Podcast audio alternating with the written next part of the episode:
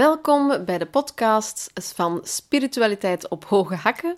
Ik ben Ellen Hartel, spiritueel schrijver en auteur van het boek Lief voor Jezelf, uitgebracht door uitgeverij Storyland. En deze podcast gaat natuurlijk ook over lief zijn voor jezelf, want het komt voort uit het boek. Hoe dat we dan meer zelfzorg en zelfliefde kunnen implementeren in ons dagelijks leven. Want daar staat spiritualiteit op hoge haken voor, voor de praktisch toegepaste spiritualiteit. Ik heet jullie welkom en met deze aflevering gaan we eens kijken naar zelfzorg is je eigen welzijn voorop stellen. Mohaha.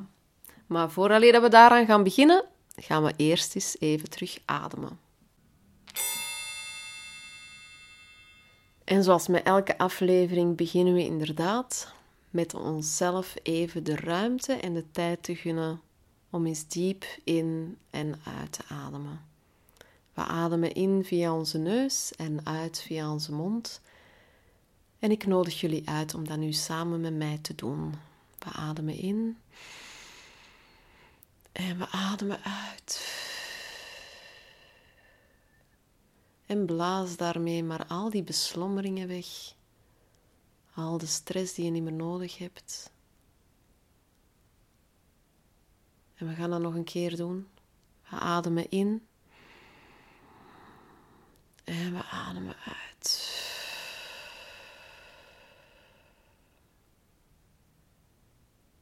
Zalig. Dus vandaag hebben we het over zelfzorg. Is je eigen welzijn voorop, voorop stellen, voorop plaatsen. En vroeger, wel voor mezelf ook natuurlijk, was dat egoïstisch. Hè? Dat was egoïstisch, jezelf voorop stellen. Maar als je werkelijk zelfzorg en zelfliefde wilt toepassen in je leven en wanneer je voor anderen wil gaan beginnen zorgen, moet je in eerste instantie voor jezelf zorgen. Want het is zo, en dat ben ik, ben ik beginnen inzien tijdens mijn proces. Uh, de afgelopen jaren ben ik, alleen in het begin eigenlijk van zodra dat ik begon met dat proces, ben ik, ben ik beginnen inzien dat ik de enigste verantwoordelijk ben voor mijn leven en voor mijn welzijn. Ik ben een volwassen vrouw. Niemand anders is verantwoordelijk voor mijn welzijn behalve ikzelf. Niemand moet voor mij zorgen. Hè? Niemand moet mij helpen. Niemand moet mij eten geven. Dat is iets waar ik zelf verantwoordelijk voor ben. Niemand moet mij gelukkig maken of plezier bezorgen. Dat is iets waar ik zelf voor moet zorgen. We gunnen het elkaar natuurlijk en we geven het graag aan elkaar en we helpen elkaar graag, natuurlijk. Maar de verantwoordelijkheid voor mijn eigen welzijn ligt bij mezelf. Ik ben volwassen vrouw, ik ben geen kind meer. Ik ben een volwassen vrouw. En daarmee met die stap te zetten, gaf ik ook mezelf de kracht en de macht om een leven te creëren dat bij mij past. Want wanneer ik het kind zou blijven en de verantwoordelijkheid van me zou weggeven aan een ander, ja, buiten mezelf zou leggen die verantwoordelijkheid, dan bleef ik leven volgens de richtlijnen van anderen. Dan bezat ik niet de macht om het leven te creëren dat ik zelf wil. En dan bezat ik niet de macht om de veranderingen aan te nemen en, en te, te laten doorgaan die nodig waren. Ik zelf ben verantwoordelijk voor mijn leven en voor mijn welzijn. En daarom is het belangrijk dat je je eigen welzijn voorop stelt. Want wanneer jij dat niet doet, doet niemand het voor jou. Want dat, dat had ik dan ook door. Ik was altijd voor andere mensen aan het zorgen en mezelf aan het wegcijferen. En op een gegeven moment keek ik eens om mij heen en dacht ik: ja, maar waarom is er niemand dan voor mij aan het zorgen? Als ik mijn, al mijn energie investeer in andere mensen, maar is spijtig genoeg op dat moment niemand die in mij investeert, al zijn energie of haar energie, ja, dan begin ik leeg te geraken. En dan kom ik terecht in een burn-out en een depressie. Wat ik dus ook had. En dus dat uw eigen welzijn voorop stellen, is eigenlijk investeren in uzelf. En dat is de beste investering dat je kan doen. In jezelf.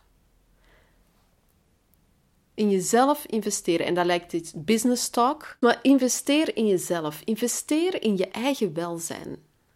Stel dat voorop. Niemand anders moet dat doen. Zelfs niet uw partner moet dat voor u doen. Het is enkel en alleen jouw verantwoordelijkheid. Want weet je waarom? Enkel jij weet wat jij wil. Enkel jij weet wat goed is voor jou. Enkel jij kan weten en tot uiting brengen waar je nood aan hebt en behoefte. En wat dat er binnen die welzijn voor jezelf, wat daarin thuis hoort. Uw partner kan dat toch niet raden? Uw kinderen dan helemaal niet.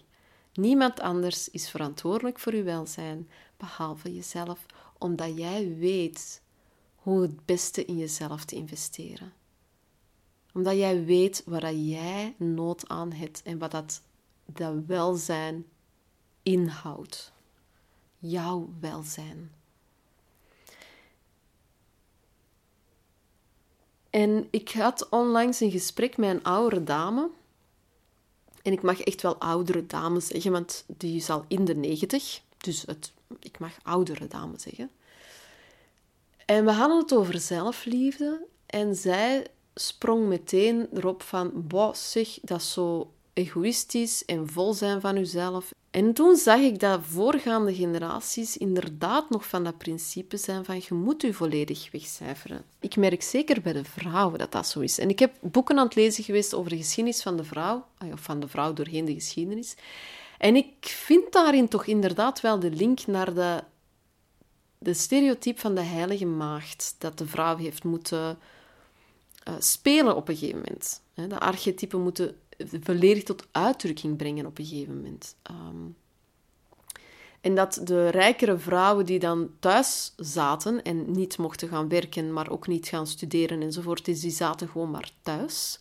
Om dan de deugden van de, van de maatschappij en de samenleving tot een beter niveau te tillen, was het de job van de vrouw dan, dus eigenlijk een vrijwilligerswerk te gaan doen voor het welzijn van de samenleving.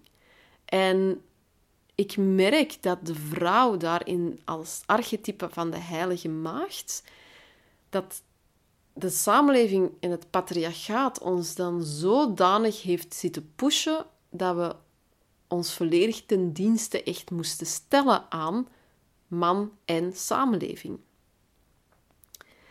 En dat daarom en dat zijn we nu in verandering aan het brengen. Dat, u, dat de vrouw die gaat van ten dienste staan van, evolueert nu door die zelfzorg en zelfliefde naar een vrouw die in haar eigen macht en autoriteit staat. Dat vraagt natuurlijk een heel verloop. En dat is een hele aanpassing. En dan snap ik ook die oudere dame die nog echt van het principe uitgaat van de vrouw staat ten dienste van, ten opzichte van onze generaties en de generaties die na ons komen, godzijdank al meer van het principe zijn van ja, maar vrouwen, is, het is toch normaal dat vrouwen werken en, en, en zelf bepalen en, enzovoort. Ja. Ehm, en dat is heel mooi om te zien, ja, dat is heel krachtig, maar die evolutie die vraagt tijd. En die oude onderliggende gedachten en overtuigingen die onbewust zitten soms nog in de samenleving, ja, die moeten er nog uitgehaald worden en uitgetrokken met, met de wortels en al. En een van die overtuigingen is bijvoorbeeld dat een vrouw zich nog altijd moet wegcijferen voor anderen. Ja. We, we zeggen misschien niet meer dat we ten dienste staan van, maar we doen het nog vaak. Ja. We stellen ons nog altijd in de positie als vrouw om alles weg te geven. Dus je eigen welzijn voorop plaatsen, als je dat gaat beginnen toepassen in je leven, binnen de zelfzorg en zelfliefde, wil zeggen dat je meehelpt met de emancipatie van heel de samenleving. Wil zeggen dat je zegt, ik wil niet meer ten dienste staan van Jan en alle man, maar ik wil mijn eigen autoriteit zijn in het leven. Ik wil mijn eigen beslissingsrecht hebben. Ik wil mijn eigen macht en kracht staan. Dat is je eigen welzijn vooropstellen. Dat is jouw verantwoordelijkheid nemen voor je eigen leven, voor je eigen lichaam, voor je eigen welzijn. En vergeet ook niet dat wat jij nu aan het implementeren bent en van verandering aan het doormaken bent, elk nieuw positief gedrag dat jij aan het uitvoeren bent in gedrag en in, in handelingen, wordt veel gemakkelijker opgenomen door de volgende generaties. Dus als jij dochters hebt en zonen, als je dus kinderen hebt, en ze zien jou nu een ander gedrag aannemen, hè, of ze zien jou dat positief gedrag uitvoeren, gaan zij dat opnemen als dat is het voorbeeld. En zo help je de samenleving nog verder. Als je dan toch nog meer wilt doen voor hè, verantwoordelijkheid en, en toch um, u ja, nog wat moet geven aan het grote, grotere geheel, weet dan dat uw eigen welzijn voorop stellen binnen die zelfzorg en zelfliefde goed is voor het algeheel goed. Dat is goed voor heel de samenleving. Daar helpt jij heel veel mensen mee door uw eigen welzijn voorop te stellen en uw eigen verantwoordelijkheid op te nemen. En uw eigen welzijn, ja, dat vult je in natuurlijk hoe dat je zelf wilt. Dus ik zou zeggen, en ik nodig u daarbij ook vandaag uit, als een eerste kleine stap in, deze, in uw eigen welzijn voorop stellen, voel eens even aan waar dat jij nu eens nood aan hebt. Wat het zou zijn om je eigen welzijn voorop te stellen. En als dat een oncomfortabel gevoel geeft, stel u misschien eens de vraag wat er achter dat gevoel zit. Wat is die een oncomfortabel? Want als je het nog niet gewoon bent, dat is normaal. Dat is uit je comfortzone stappen dit. Maar naar een positieve toekomst toe. Dus stel u gewoon eens de vraag van uw verantwoordelijkheid voor uw welzijn. Wat houdt dat welzijn in? Het goed zijn, het gelukkig zijn, het welzijn. En ik wil u feliciteren, want ook vandaag weer met het beluisteren van deze podcast heb je al een nieuwe stap gezet in meer zelfzorg en zelfliefde. En dat is fantastisch, nietwaar? En zo zetten wij gewoon elke keer een stap verder en elke keer een stapje meer. Ben je curieus en wil je nog meer te weten komen?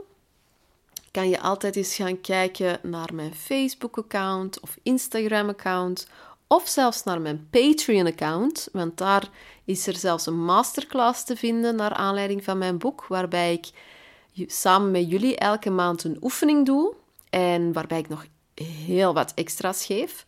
Dus dat is ook wel eens altijd interessant om eens te gaan kijken.